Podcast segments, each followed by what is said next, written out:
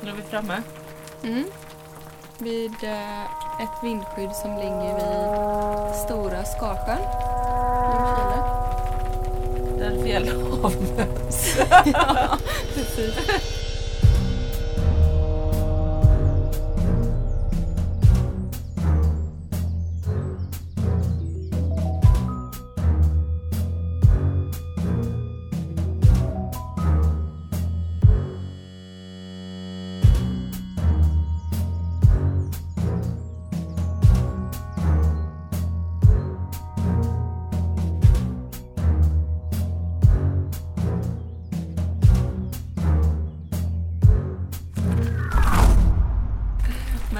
Alltså, jag kände så här.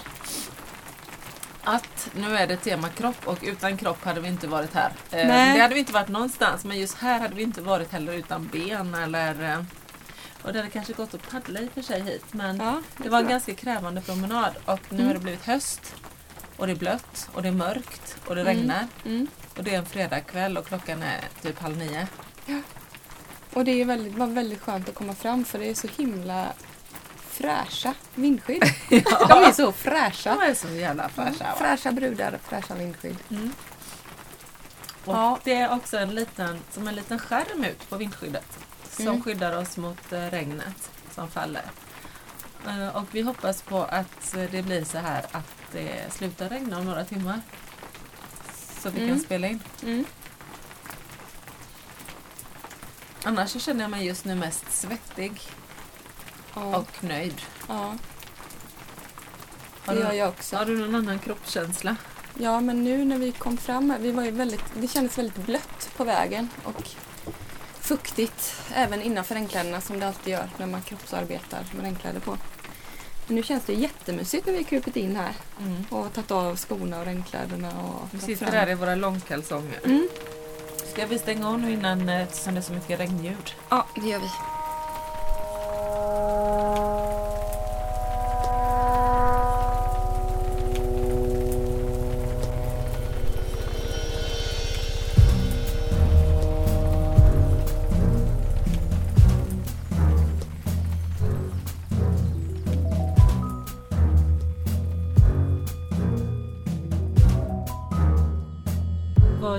Gör vreden med våran kropp? Och hur känns den? Och eh, där tänker jag att vi ändå har ganska mycket känna- erfarenheter. Ja, Men du, för du eh, sa förut att du hade varit på massage mm. igår. ja. Jag var på massage. Jag har ju bara varit på massage tre gånger i hela mitt liv. Första gången var en gång för, det kan vara sex år sedan. Så var jag på massage och då var jag inte beredd på vad det skulle göra med mig. Då började jag gråta av massagen. Och det var en period när jag hade så otroligt mycket att göra. Men liksom, ja men... eh, Jag tror jag hade två, tre barn måste jag ha haft ju då. Redan. Och eh, jag jobbade på två olika jobb. Och jag studerade 50% plus att jag hyrde ut lägenheter. Tre stycken. Där jag liksom också var den som fixade dem ihop med min dåvarande partner. Men det var väldigt mycket. Eh, och då var det väldigt påtagligt att det hände någonting i mig när jag fick den massagen. Att det var något som släppte. Jag har ju haft kronisk värk eh, i 20 år i alla fall. I min nacke. Mm. Jag har ju ont varje dag i den. Och ibland blir det ju värre och då är det ofta kopplat till stress eller vrede som sätter sig i nacken. Det är min ömma punkt. Mm. Och, eh, och det blir sådana här knutor liksom som börjar i nacken och sen kan det gå ner längs hela ryggen.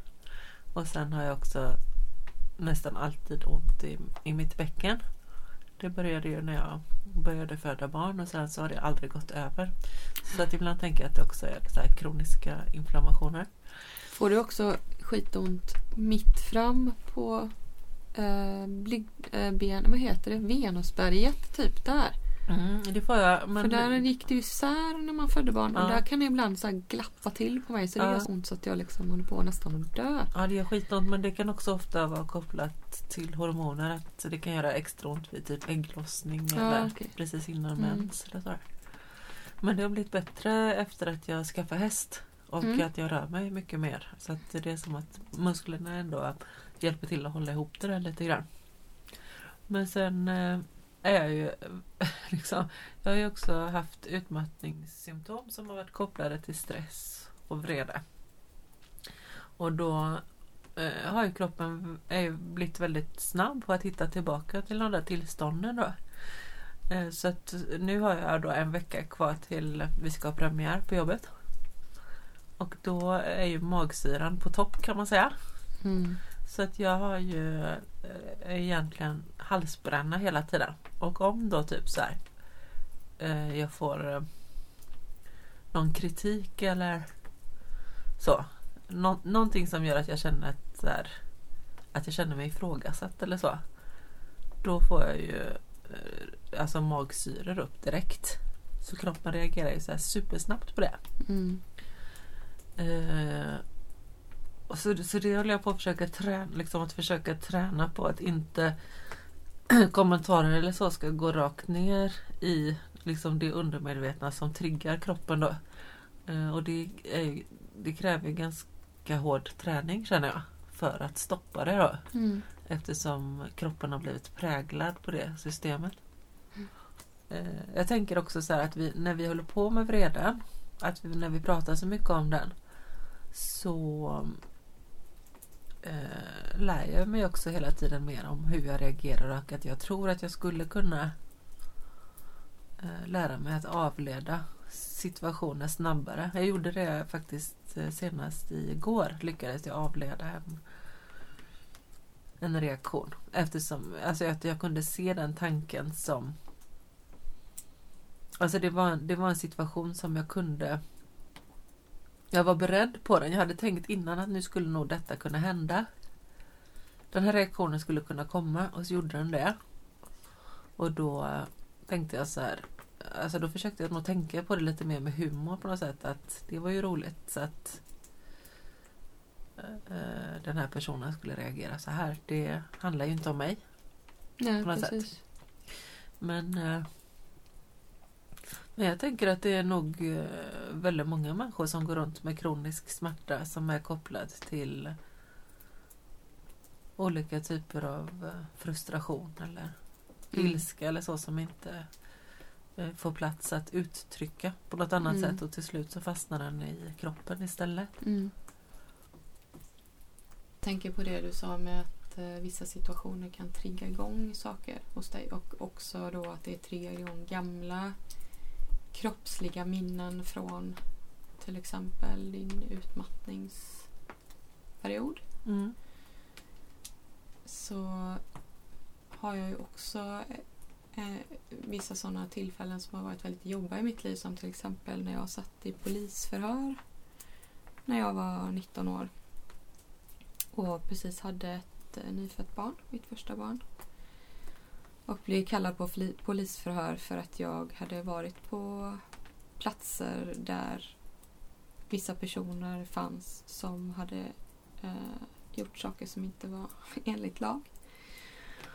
Och de här poliserna var ganska så eh, nedlåtande och elaka mot mig och också hotade mig med saker som var väldigt eh, eh känsliga. Som till exempel att de skulle ta mitt barn ifrån mig eller eh, att ingen skulle tro mig ändå. Alltså massa sådana här saker eh, i sitt sätt att utpressa mig då till att säga något som jag inte visste någonting om. Eh, och de trodde saker om mig som inte var sant. Som jag blev väldigt ledsen över. Och, ja, jag kände mig liksom kränkt även om jag inte hade det, de orden för det då kanske. Eh, och det, det är ju en sån sak, den situationen. Eh, I den situationen fanns ju en massa saker som till exempel den ene polismannens dialekt och röst. Eh, dofter som fanns där. Och sådana saker som senare har triggat mig vid andra tillfällen. Det var ett tillfälle när jag var i Trollhättan och vi skulle precis ha konstvandring södra Bohuslän och jag skulle framkalla bilder eller få papperskopior på några foton jag hade. Det var faktiskt Tysta skriket. Mm. Eller inte det tysta skriket utan Ja. Skrika så det inte hörs heter det. Mm. Och då eh, parkerade jag där och så var man tvungen att ha en sån här parkeringsbricka. Och så hade inte jag en sån. Så då var man tvungen att köpa en sån i en affär och så gick jag och letade efter en sån affär. Och så hittade jag till slut en och så gick jag tillbaka till bilen och då hade jag fått en parkeringsbot. Och då blev jag så himla irriterad för jag hade ju ändå liksom den här parkeringsbrickan och hade ju verkligen inte försökt felparkera eller göra något olagligt. Och då ringde jag upp eh, polisen och sa att jag hade fått den och sa att jag, det var, jag var bara borta högst fyra minuter och jag liksom... Och då hade den här polisen som jag pratade med där precis samma dialekt som den här polisen som hade förhört mig. Det kan ha varit faktiskt till och med samma person för det var ju i Trollhättan det Mm, första tillfället också. Men precis samma röst och precis samma dialekt. Och det bara liksom slog slint i huvudet på mig. Vad Jag hände? blev så ledsen. Jag, kunde liksom inte... Ja, jag kunde liksom inte fortsätta göra det jag skulle göra utan jag var tvungen att bara gå och sätta mig. Mm. Så satt jag bara så där och tog det lugnt en stund och bara fick andas. För att Du blev så stressad liksom jag blev den så... Det var som att det bara drog igång hela, hela karusellen igen liksom. Mm. På något sätt. Du, och då var det ett hörselminne egentligen? Ja, ett hörselminne. Det är ju någonting som sitter i kroppen då. En kunskap som sitter i kroppen. Mm. Och då tänker jag så på att, det, att vi liksom behöver vara så himla rädda om varandra. Hur vi gör och vad vi gör mot varandra just för att det är inte bara i det tillfället där det händer som det händer utan det kan sen dras igång gång på gång på gång på gång på gång för en person Mm. i andra sammanhang där den känner sig trygg och så plötsligt dyker upp en doft eller en, en, en röst eller, eller någonting annat som gör att det liksom triggas igång. Ja, det Men det är också det som gör det så svårt ehm, socialt för att det går ju aldrig att veta vad en annan människa har för erfarenheter. Nej. Jag tänker att kroppen härbärgerar så mycket minnen. Mm. Och också att det finns så mycket undermedvetna eh, känslor och minnen och tankar liksom som vi inte vi har inte uppe det sådär varje dag. Så att eh, Och sen så eh, har jag blivit ganska bra på att ta hand om de där sakerna också. Att jag kan, att jag blir inte, för det, det händer ju vid vissa tillfällen som typ med den här massagen när jag började gråta. Eh, gjorde att jag lärde mig någonting hos mig själv så att det händer ju förmodligen inte igen. För att jag, det är ju någonting jag har lärt mig att handskas med som gör att jag vet hur jag ska ta mig an det nästa gång. Och samma sak nu som det som händer då med den här, den här rösten som plötsligt väckte två dagars polisförhör Mm. till liv. Ehm, är ju också, blev ju också en kunskap i mig som, gjorde, som gör att jag kan handskas med det på ett annat sätt. Så nu när det uppstår så, så kan jag istället tänka att ja, men, ja, nu reagerar jag så här därför och eh, det är ingenting som betyder något längre och jag behöver inte bry mig om detta för jag vet att jag inte är det som de trodde om mig eller så. Liksom. mm. Att man liksom på något sätt också behöver lära sig av dem eller att man får lära sig av de situationerna. Men jag känner att jag måste omprogrammera vissa minnen. Som, alltså minnen som är kopplade till eh, eh, när jag har varit utmattad eller när jag, ja, och då har ju det varit liksom kopplat då till att jag har eh, haft en otrygg situation på jobbet. Eh, men jag tror att det är fullt möjligt. Jag tänker att vi har så stor, våran hjärna är så kapabel liksom. Mm. Så att jag tror att det är fullt möjligt att träna om det så att jag kan ha kvar de minnena fast göra dem till någonting annat. Men jag, Mm, har ju, det tror jag verkligen också. men jag tror samtidigt då att jag har, är väldigt svårt för att gråta. Mm. Det har jag, och det har hänt efter detta. Jag har Egentligen. haft lättare för att gråta innan? Ja, jag tror det Mm. faktiskt. Och då har det blivit så här att jag gråter egentligen bara när jag är på gränsen till utmattning. Mm. Det kan ju ta fem år ibland.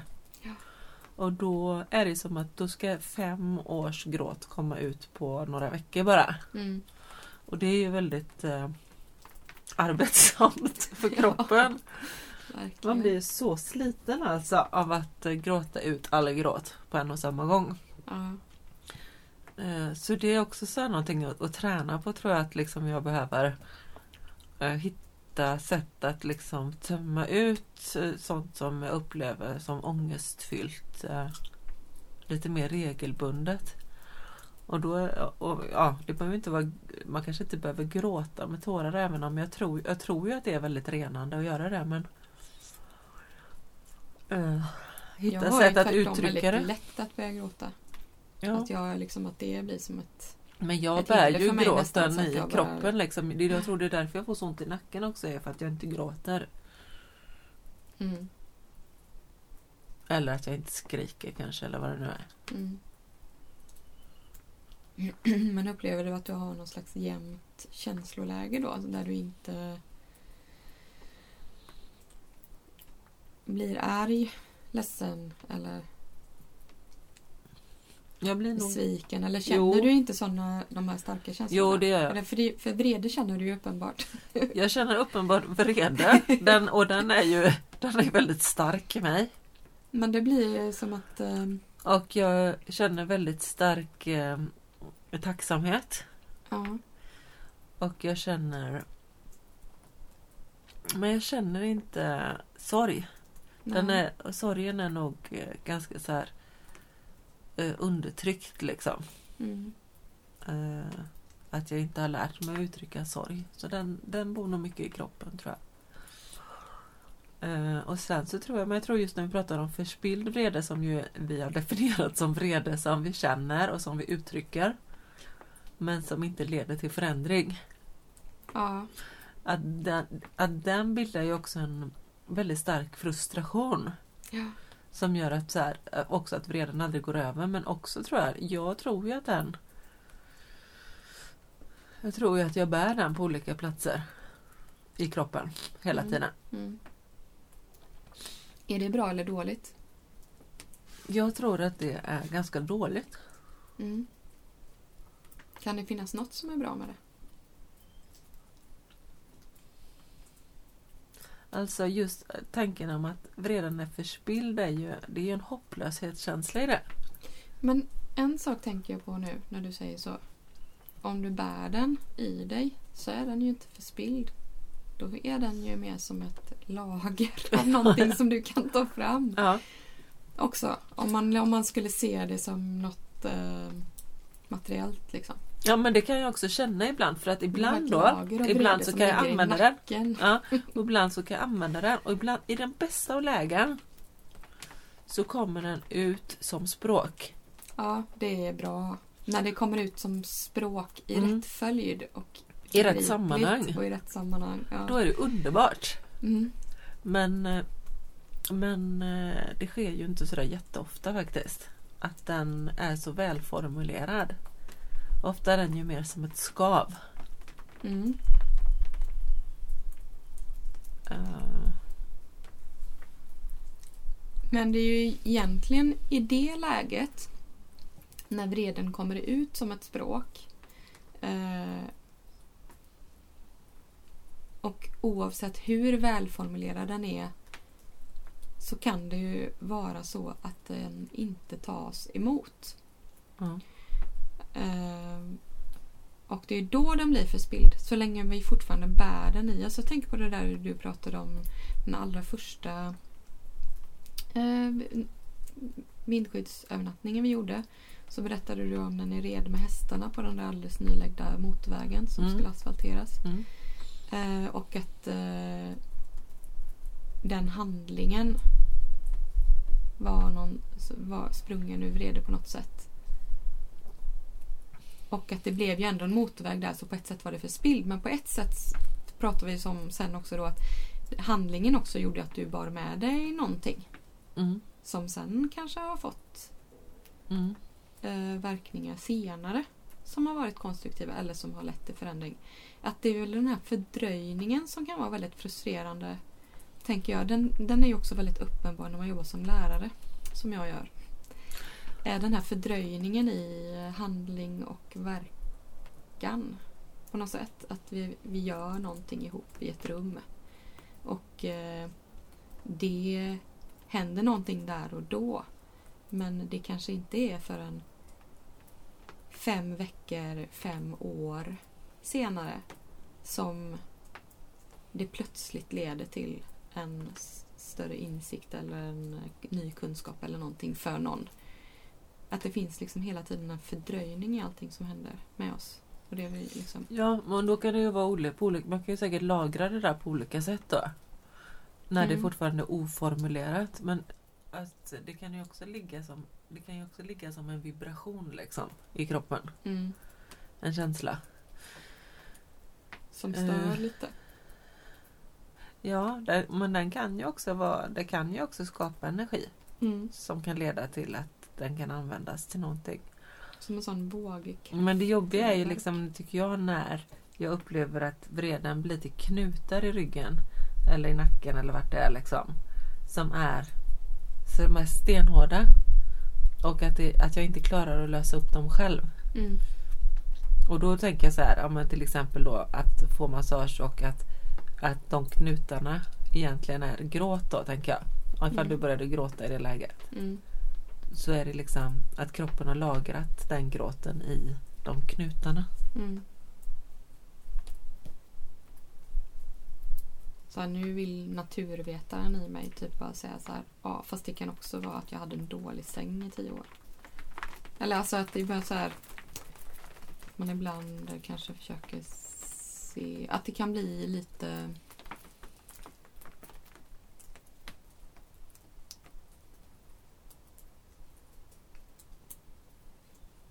behöver ju inte vara vred. Alltså, ja, jag vet inte. Ibland så har jag så, Ibland så kan jag tycka att det känns lite så för flummigt att säga att vred, att liksom...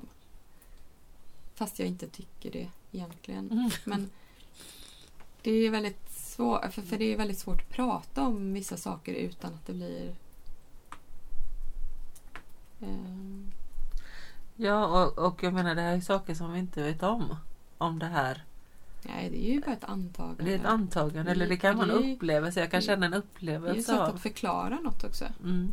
En, en förklaringsmodell till en massa olika skeenden mm. som man vill hitta ett samband i. Det är ju liksom, håller vi på med hela tiden. Vi människor försöker se samband men och att, förklara Men saker. att kroppen triggas av minnen är ju ändå någonting det som inte går att ifrågasätta. Ja. Men sen jag menar, det kan ju också vara så att jag har knutar i nacken och ryggen bara för att jag har en jävligt dålig rygg. Liksom. Som du säger, så kan det ju vara också. Men just Men när det, det blir sådär, du vet när det kommer ett tryck eller när det kommer en eh, när det verkligen är så magsyra som kommer upp mm. av att någon säger någonting till mig som påminner om någonting. Mm. Då är ju det inte Då är ju nej. inte det hittepå liksom. Nej, nej, precis. Mm. Jag tänker också, när vi nu ska prata om vreden och kroppen, så skulle jag också vilja prata om uh, att gå ifrån det individualistiska och tänka på kroppen och samhällskroppen. Mm. Vad vrede gör för samhällskroppen och vad som händer med samhällskroppen. För jag tänker också på Ja, men till exempel som att det just nu finns liksom starkt växande främlingsfientlighet runt om i, i Europa framförallt. Eh, och att det är ju väldigt mycket mm, män och kvinnor men mestadels män eh, vita i en viss ålder som verkar bära på en hel del vrede. Ja, eller är det rädsla? Rädsla, men som liksom resulterar i någon slags vrede.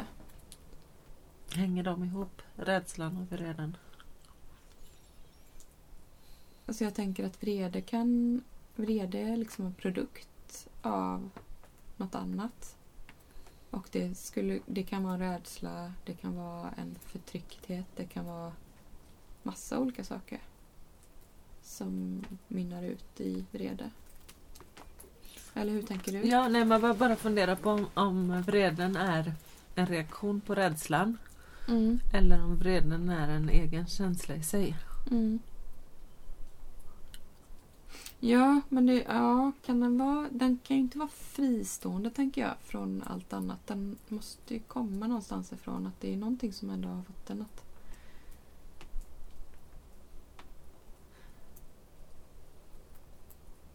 Ja, men liksom att det finns en massa vrede från olika håll och att man kan känna vrede av olika anledningar och så blir det någon slags skav eh, som är svår att... Eh, eh, eller när vredheten mynnar ut i aggression så kan det ju bli väldigt problematiskt. Ja, för jag tänker vreden kan ju vara konstruktiv på massa olika sätt. Ja, Men eh, om man... men om den mynnar ut i, i aggression Mm. eller konf- nej, konfrontation kan ju också vara... Ja, men i våld. Ja, men i våld till exempel. Ja, precis. Då är den ju inte så himla konstruktiv längre. Insikten om att våld föder mera våld då. Ja, Jag hade en sån eh, Precis. indignerad diskussion med en studiekamrat. Eh, som handlade om demonstrationer. Och, eh, och jag går gärna i motdemonstrationer. Men då började den här personen prata om den kampen som också mer Alltså motdemonstranter då som använder också våld mm, eh, tillbaka och så ifrågasatte jag nyttan eller nytta. Jag ifrågasatte det. Och då blev han så fruktansvärt arg på mig och liksom tyckte att jag måste fatta att de här motdemonstranterna använder våld för att försvara oss. mm, Alla i det här samhället. Eh, och jag tänkte så här att ja, men jag, jag visar ju mitt motstånd genom att använda min kropp och gå ut och visa mitt missnöje liksom. Och då tyckte han att ja, men det räcker inte. Då måste man möta våld med våld. Ja, Det där är ju så befängt. ja men också att det blir så otroligt eh, det blir, det blir ganska svårt kan jag känna för att där används ju vrede mot vrede. Ja, och vad, vi, vad gör det med oss liksom? Det blir ju bara mer polariserat allting. Jag vet men samtidigt så kan jag ju också undra vad skulle hända då ifall alla de stannade hemma. Eh, De, de som är beredda då, de här motdemonstranterna som är faktiskt beredda att ta till våld för att stoppa de här nazisterna. Vad händer om Mm. de stannar hemma Mm. och inte längre liksom eh, skyddar motståndet? Mm. Eh, Blir det då fri lejd liksom eller räcker det att vi går ut där med våra barnvagnar och liksom eh, är såna här goda demonstranter, Mm. präktiga demonstranter. Jag skulle önska att alla motdemonstranter var goda demonstranter och jävligt präktiga. Och Mm. gav fasen i att plocka upp en gatusten och kasta. För i, så får, i det ögonblicket, varje gång det händer, så målar man ju också upp en scen, eller man liksom iscensätter någonting som utifrån sett, när man tittar på det till exempel på en nyhetssändning eller vad det kan vara, visar upp någonting där, det kom, där de här människorna då som eh, har nazistiska åsikter befinner sig i en hotbild och blir skyddade av polisen. Ja. Vilket blir väldigt skevt. Liksom. Hela situationen, hela den scenen man Ja, hjälper till visst. att bygga där. Och där är vi tillbaka i det performativas kraft Ja, liksom, och de bilderna vi skapar. Och, det, och, då, och då kan jag känna det att blir, är det konstruktivt att motdemonstrera? Eller vore det bättre om bara alla, ingen gick dit? Nej men jag försöker bara tänka, jag bara försöker liksom få bilder av min kropp kopplat till samhällskroppen just nu och Mm. vad jag hur jag använder min kropp och vad det är för några verkningar eh, vidare liksom. Och eh, jag, har, jag känner inte riktigt att jag har det helikopterperspektivet men uh,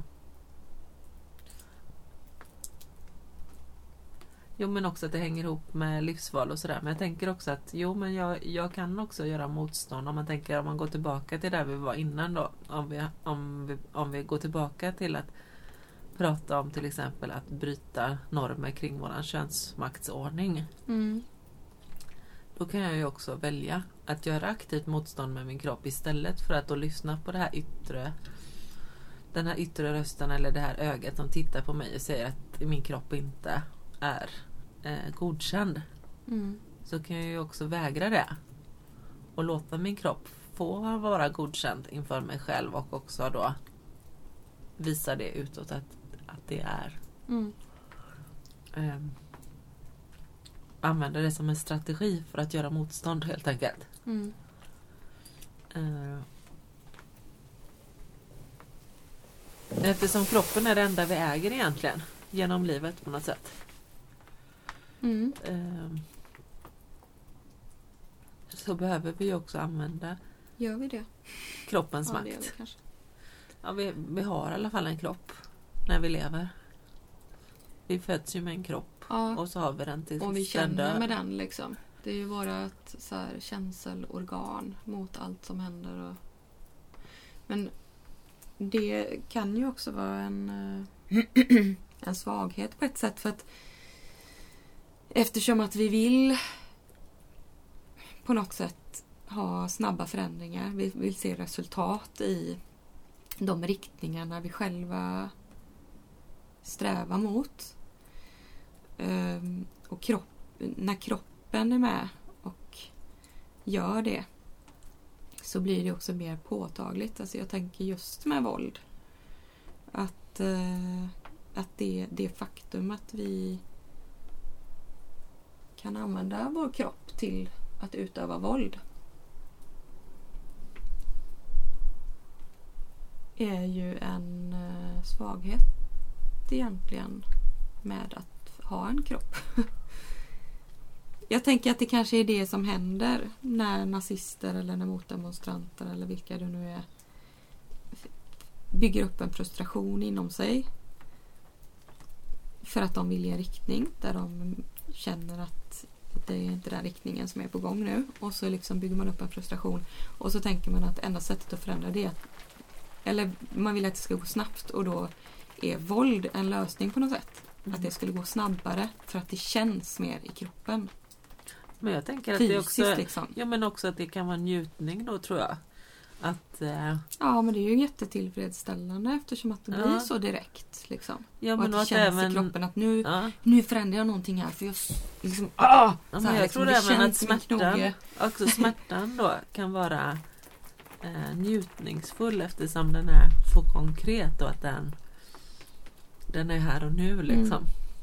Men det blir ju också en sån destruktion då. Så tänker jag så här att men om jag försöker att tänka att jag vill göra förändring utan att kroppen fysiskt är så aktiv som i en demonstration eller så.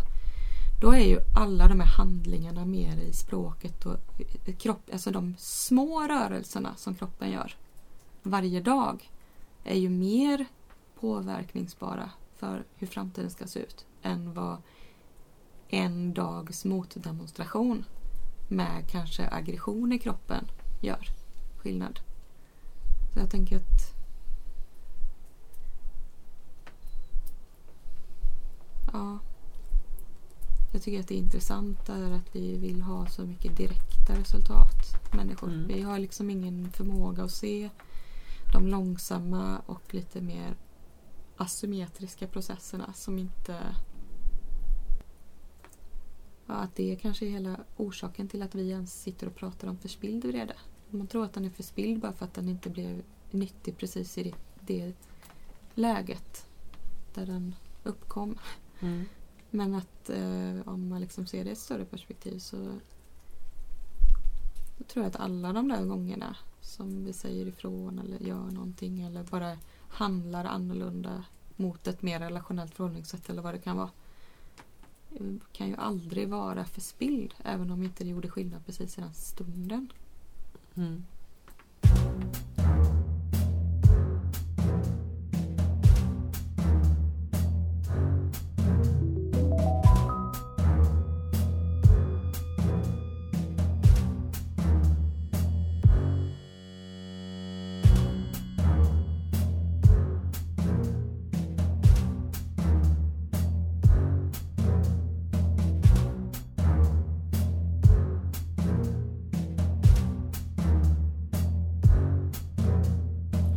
Och också hur vi blir påverkade av människors vrede. Liksom om, du till exempel kommer in i ett rum där det nyss har skett ett stort bråk mellan två människor. Mm. Så ligger ju de vibrationerna kvar Ja. i det rummet Det var liksom. väldigt påtagligt. Ja. Och också att vara medveten om att det påverkar oss då. Mm. Eh, För att då flyttar det in i din kropp också. Mm. Ehm. Och jag önsk, kan nog önska att jag eh, skulle, känna, skulle kunna känna en större empati för mig själv i de situationerna. Mm. Där också jag kan känna mig drabbad av någon annans vrede liksom, som egentligen inte har att göra med mig men jag kanske går rakt in i ett sånt Ja, fält. Liksom. Och då kan man ju också prata om så här, om fält i samhällskroppen av undertryckt vrede till exempel. Mm. Att den påverkar oss. ja, ja visst. Ja. Ja. Eller liksom samhällen där det är väldigt stor segregering till exempel. Mm. Där vissa områden har extremt eh, också relevant stor undertryckt vrede. Mm. Mm. Eh, så påverkar det ju alla människor som lever där. Det sitter ju inte i en kropp. Eller man kan också se det som att vi är en kropp. Alla tillsammans.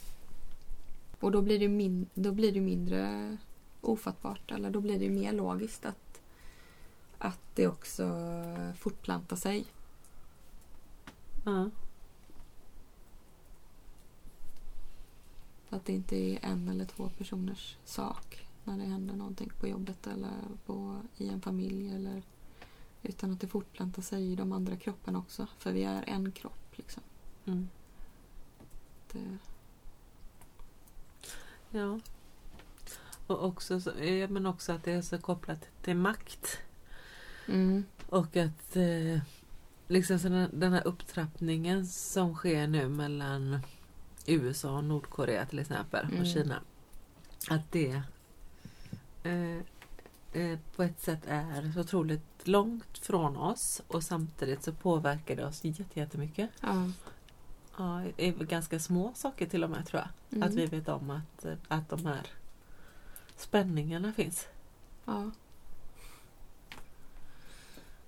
Ja, det är, jag tycker det är jätteläskigt. Alltså de här killarna va? Gubbarna. Kim och, och eh, Donald.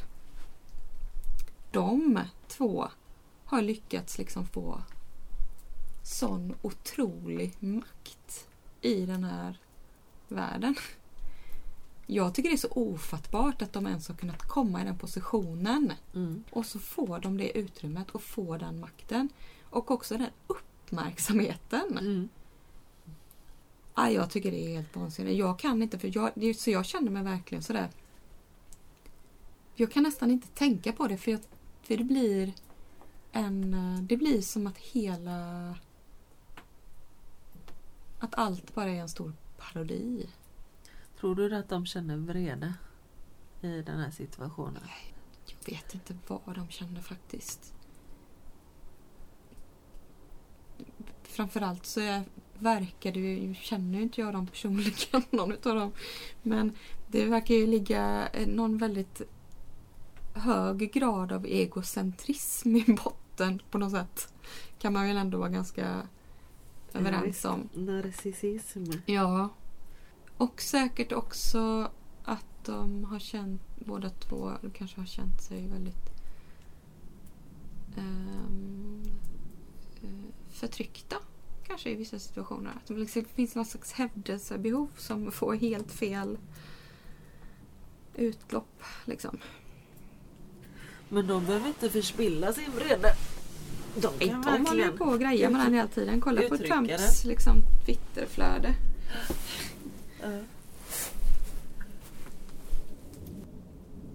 Det är ju bara så ofattbart tycker jag. Ja, men jag Det menar också att vi blir handlingsförlamade i det. Jag menar ifall alla...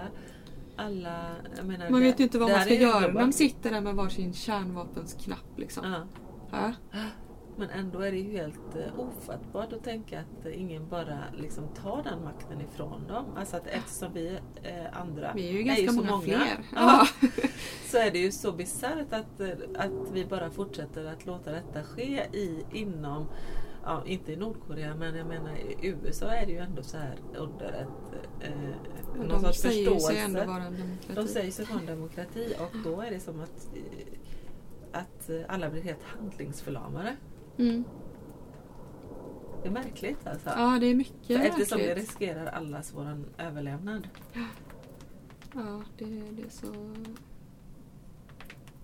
Alltså människan är ju så fruktansvärt jävla dum också. Ja, det Det- är ju helt... Och jag kan känna det också. Jag menar i sådana här mindre situationer där jag känner mig utsatt för något typ av förtryck eller eh, att jag inte får, kan ha makt över mitt eget liv eller sådär. Att varför liksom... Och då är, då är jag ju oftast inte ensam om den känslan. Nej. Utan det är många som känner den känslan samtidigt. Mm. Och ändå är det som att, att vi blir liksom helt bakbundna av situationen. Ja. Det är väl någonting som... eh, Det är väl någon rädsla av att förlora någonting ändå som, som gör att man inte handlar. Eller? Mm. Ja, men tänker bara, men hur långt, hur långt skulle jag låta någonting gå innan jag verkligen så här Mm. nu... För jag tänker jag kan ju utsätta mig själv för ganska stora påfrestningar alltså utan att börja vägra. Det kan jag ju också skriva under på. Ja. om man säger så. Ja. Ja, nej, det är Men vad är det som Men säger det då som- att du skulle liksom eh, göra motstånd om det drabbar någon annan än dig? Det är en helt annan sak tycker jag. Jag känner ju mina egna begränsningar i alla fall någorlunda och vet att jag, så här, men det är en bit kvar ändå innan det slår över. Eller innan det liksom blir för, för mycket eller så.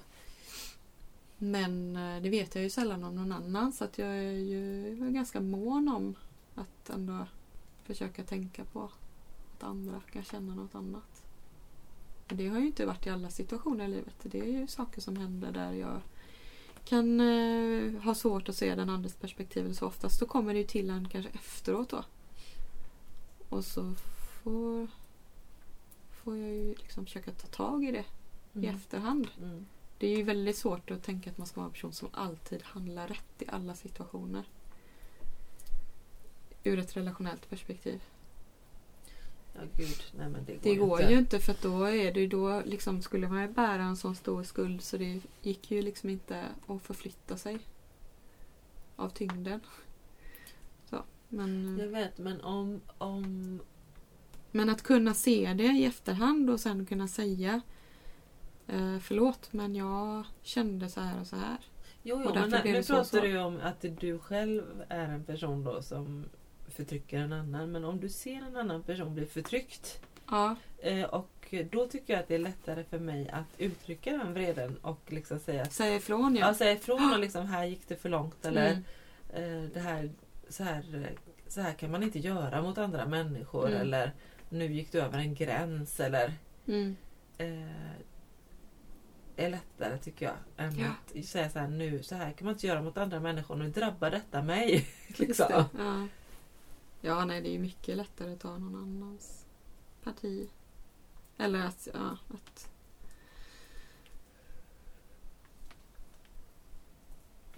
Det är väl skammen kanske. Ja. Att inte visa sig svag. Eller vad tänker du? Vilken skam? Ja, att... Eh,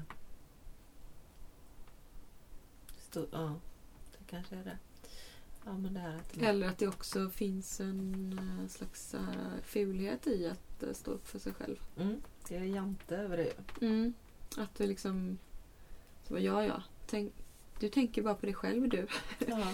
Det har varit ett par situationer på jobbet där det liksom har varit saker, saker som har blivit bestämda som har drabbat många personer. Ehm, och då kan det ha varit så att jag har varit en av de personerna. Men jag har inte drivit frågan för att jag själv blir drabbad, för jag själv kan stå ut med det. Men jag kan bli väldigt frustrerad över att den strukturen finns och att den tillåts. Och så säger jag ifrån, till exempel åt chefen eller vad det kan vara. Och gör det ganska tydligt. Och då kan jag känna ibland att, att eh, jag blir bemött som om jag försökte driva någon egen agenda när det inte är det det handlar om. Utan så här, men nej, jag försöker visa på någonting som sker här, som drabbar många. Och ja, jag råkade vara en av dem den här gången men det är inte därför jag driver den här frågan nu. Skitsamma. Jag behöver inte, liksom, jag bryr mig inte. Jag kan gå härifrån också. Jag klarar mig utan den här platsen eller vad det kan vara. Liksom. Men att jag inte står ut med att, att se att det finns sådana strukturer. Mm. Då, till exempel, om det är det det handlar om just då. Mm. Eller någonting som blir beslutat där det är uppenbart att det liksom inte finns en rättvisa i beslutet. Det kan ju göra mig något vansinnigt upprörd. Och då blir det liksom på något sätt lite mindre värt när man driver frågan för att man själv råkar vara en av dem. Så när man driver en fråga i andra sammanhang, för jag, jag försöker ofta driva sådana frågor eh, oavsett om det är jag själv eller någon annan som är drabbad. Men om man driver en fråga där det är uppenbart att jag själv inte är drabbad, då blir det lättare att driva den för att mottagaren agerar annorlunda Mm. när jag driver den för en annan grupp än när jag driver en fråga som råkar också eh, så här, för det är som att den blir mindre Men är det inte det kopplat till att det blir en laddning på ett annat sätt? Eh, om, om man själv är drabbad? Ja, eller jag tänker att på något sätt att det förminskas av att det är en, ja det här är kanske väldigt cyniskt men att eh, när någon driver en fråga som ligger väldigt nära den själv personligen så blir det lättare att förminska den personen genom att säga att, att, det, att det är av egoistiska skäl. Och det är ju så fult att vara egoist. Liksom. Men om man driver en fråga där man själv inte är den direkt drabbade då blir det så uppenbart att det inte är av egoistiska skäl. Mm. Fast det kan ju också likväl vara av egoistiska skäl för att man mår bra av att hjälpa andra till exempel. Det finns ju en del filosofer som, men som driver den. ju, ja, men tanken, som, men, ja. Det jättestora pro- liksom, som vi har i, i den här samhällskroppen just nu är ju eh, problematiken med hur samhället tar hand om ensamkommande Ja. eh, flyktingbarn Mm. till exempel. Mm. Och där är det ju, de kan ju inte driva de frågorna själva känns det Nej. ju som. Därför att eh, eh, de är för eh, utsatta Ja. från början. Ja.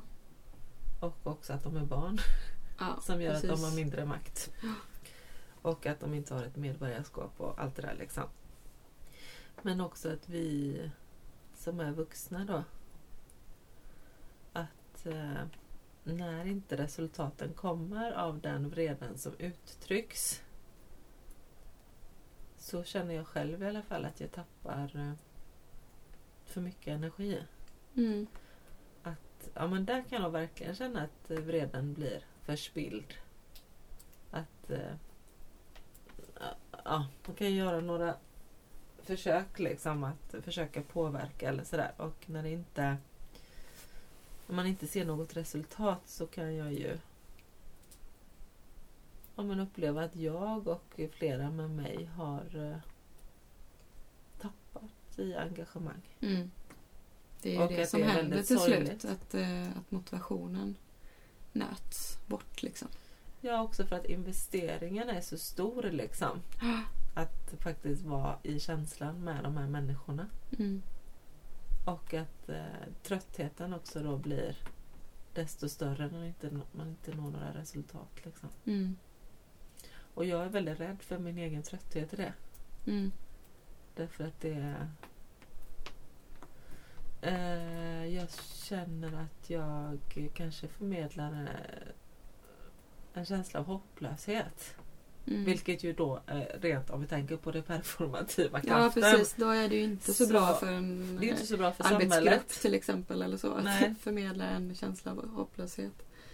Det är ju bara, bara destruktivt. Mm. Men det är ju risk att man hamnar där till slut när det, när det känns som att man bara så här stångas liksom mot någonting som ändå inte liksom... Ja men också att besvikelsen liksom på vårt gemensamma samhälle är så fruktansvärt stort. Och, och jag tänker att vi lever i en sån tid just nu också. Där det är så många som känner besvikelse inför det gemensamma. Mm. Så det blir väldigt, väldigt farligt för att hopplösheten bara skapar mer destruktivitet. Liksom. Mm.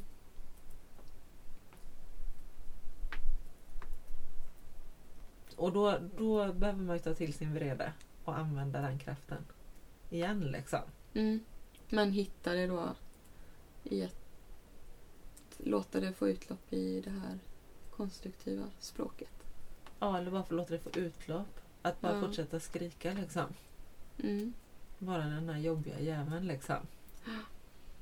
Utan att bli våldsam. Ja, men också... Jag tänker att det är bättre att fortsätta att skrika än att bli tyst. Ja. Vi hade ju planerat in lite skrik den här gången. Ja, Men vi mötte ju en polis på vägen ja, i en bil. Och han såg så himla arg ut. ja. Titta så misstänksamt på oss. Ja,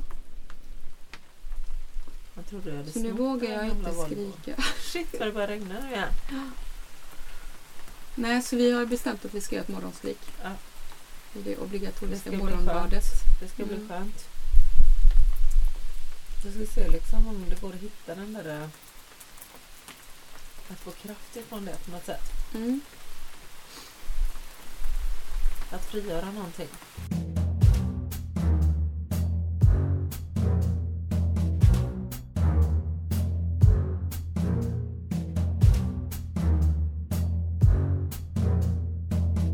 Du vet kroppsliga minnen av mina värsta skrik. Mitt första, alltså, vet mitt Föda första värsta skrik. Ja, är ju...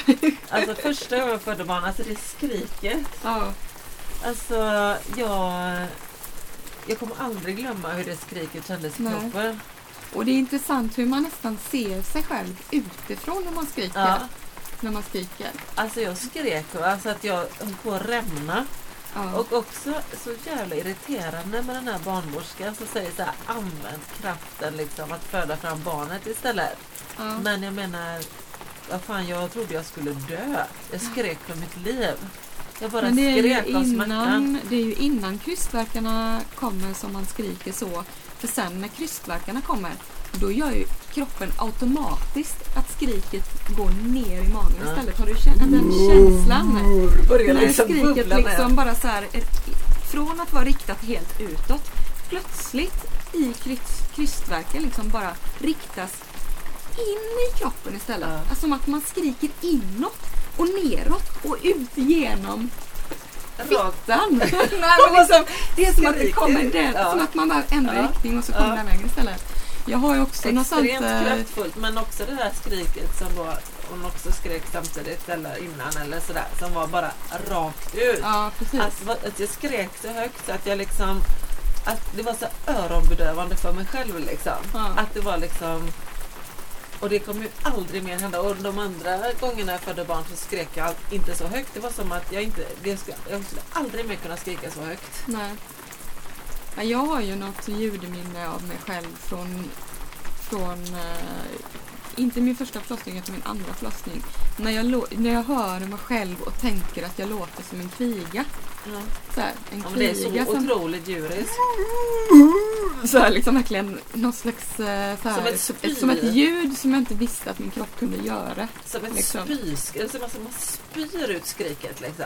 Ja. För att det är helt ostört. Alltså och som det en är som att kräkning som inte går att plötsligt finns stoppa det en mitt i. resonanslåda i mig som, Ja, som liksom inte finns där någon annan gång ja. än just då. Ja, det är väldigt märkligt. Det är som att hela kroppen har skriket i sig. Precis Ja. hela kroppen. Det är som att munnen, om man tänker sig när man skriker vanligt, då är skriket i, lite i lungorna så, men mest i munnen och utåt. Mm. Men här är det som att hela kroppen är en mun. Ja. Och så bara Som rakt ut. Och så man bara kan öppna munnen mer och mer och mer. Och så bara kommer det ut. Ja, Det är fan vad ont det gör också. ja det gör det. Det känns, känns lite grann faktiskt. Jag har glömt av lite nu va, men... Ja. Nej, men det, det absolut starkaste minnet eh, just från skrik och förlossning det är just den där känslan av när det riktades, när det plötsligt ändrade riktning. Och bara skriket gick bakvägen och ner och ut genom liksom i födslo... Genom alla andra hål som är längre Ja, ner. precis. Ja, Det är ju skrika så att det hörs alltså. mm, det är... Tänk tänk om man skulle kunna spara alla de skriken. I en, lån, i en burk. Ja, Mm. då hade ju, och, så, och så sen så riktar man Den det burken mot eh, Donald Skulle eh, liksom Trump. vibrera. Tänk att rikta en sån burk mot Trump och en emot... Vi eh, sparar alla kvinnors födsloskrik. Ja, Alla världens kvinnors födsloskrik. alltså I en in i burk. örat liksom. Mm. Då kommer de ju tappa de här fjärrkontrollerna Ja. till eh, kärnvapen. Det är som att det, kommer, det skulle aldrig gå att leva sen med den upplevelsen Nej, av det skriket. nej, nej. Det är ju typ ett kärnvapen. Ja. Det är fan Det är ett kärnvapen. Ja, det är. Från kärnan av Av ur... det.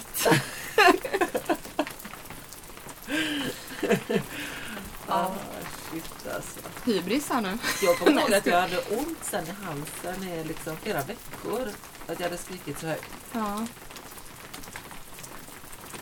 Ja. Jag vet inte om jag skrik så högt men ett väldigt konstigt skrik som liksom är nästan så här, så om, man, om man tänker så här Exorcisten-filmen.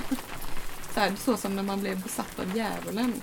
Att det bara skär sig Ett, liksom. ett skrik som inte, som inte egentligen hör ihop med min kropp.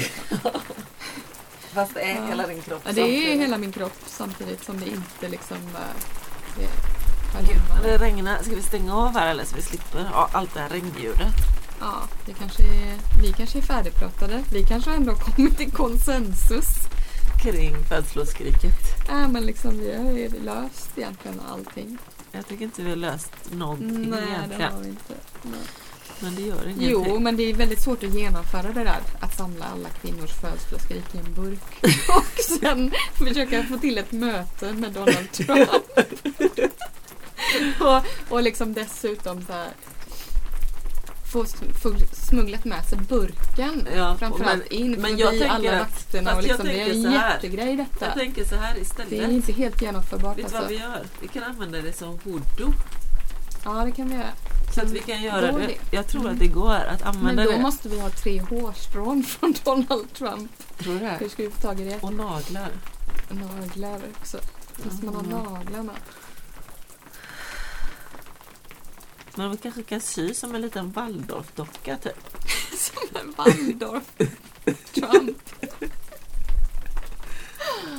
Ja.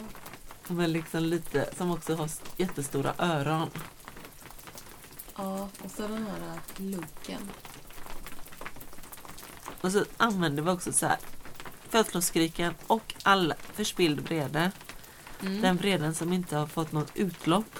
Som bara Mm. ligger som knutor i ryggen. Så tar vi den också. Mm. Det kommer bli sånt fruktansvärt tryck va? Ja, men jag tror kanske det kommer resultera i att jorden liksom förskjuts i sin bana runt solen. Om allt liksom, all den kraften rikt, liksom, görs i en riktning. Ja. Det skulle kunna faktiskt vara jordens undergång. Tror du? Ja. Nej, jag tror det kan vara jordens räddning. ja.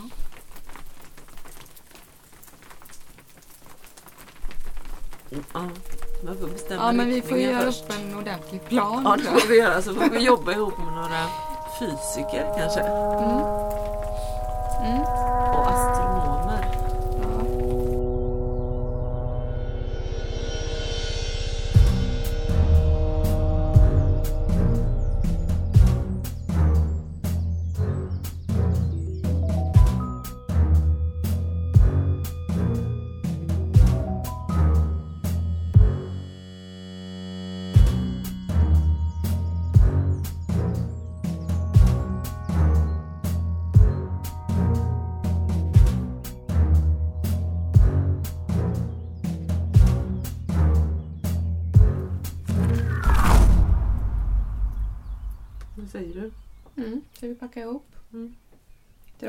Till civilisationen Mm.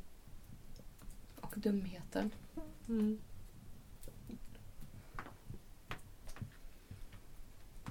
Mm. Det var skönt att få vila lite i alla fall.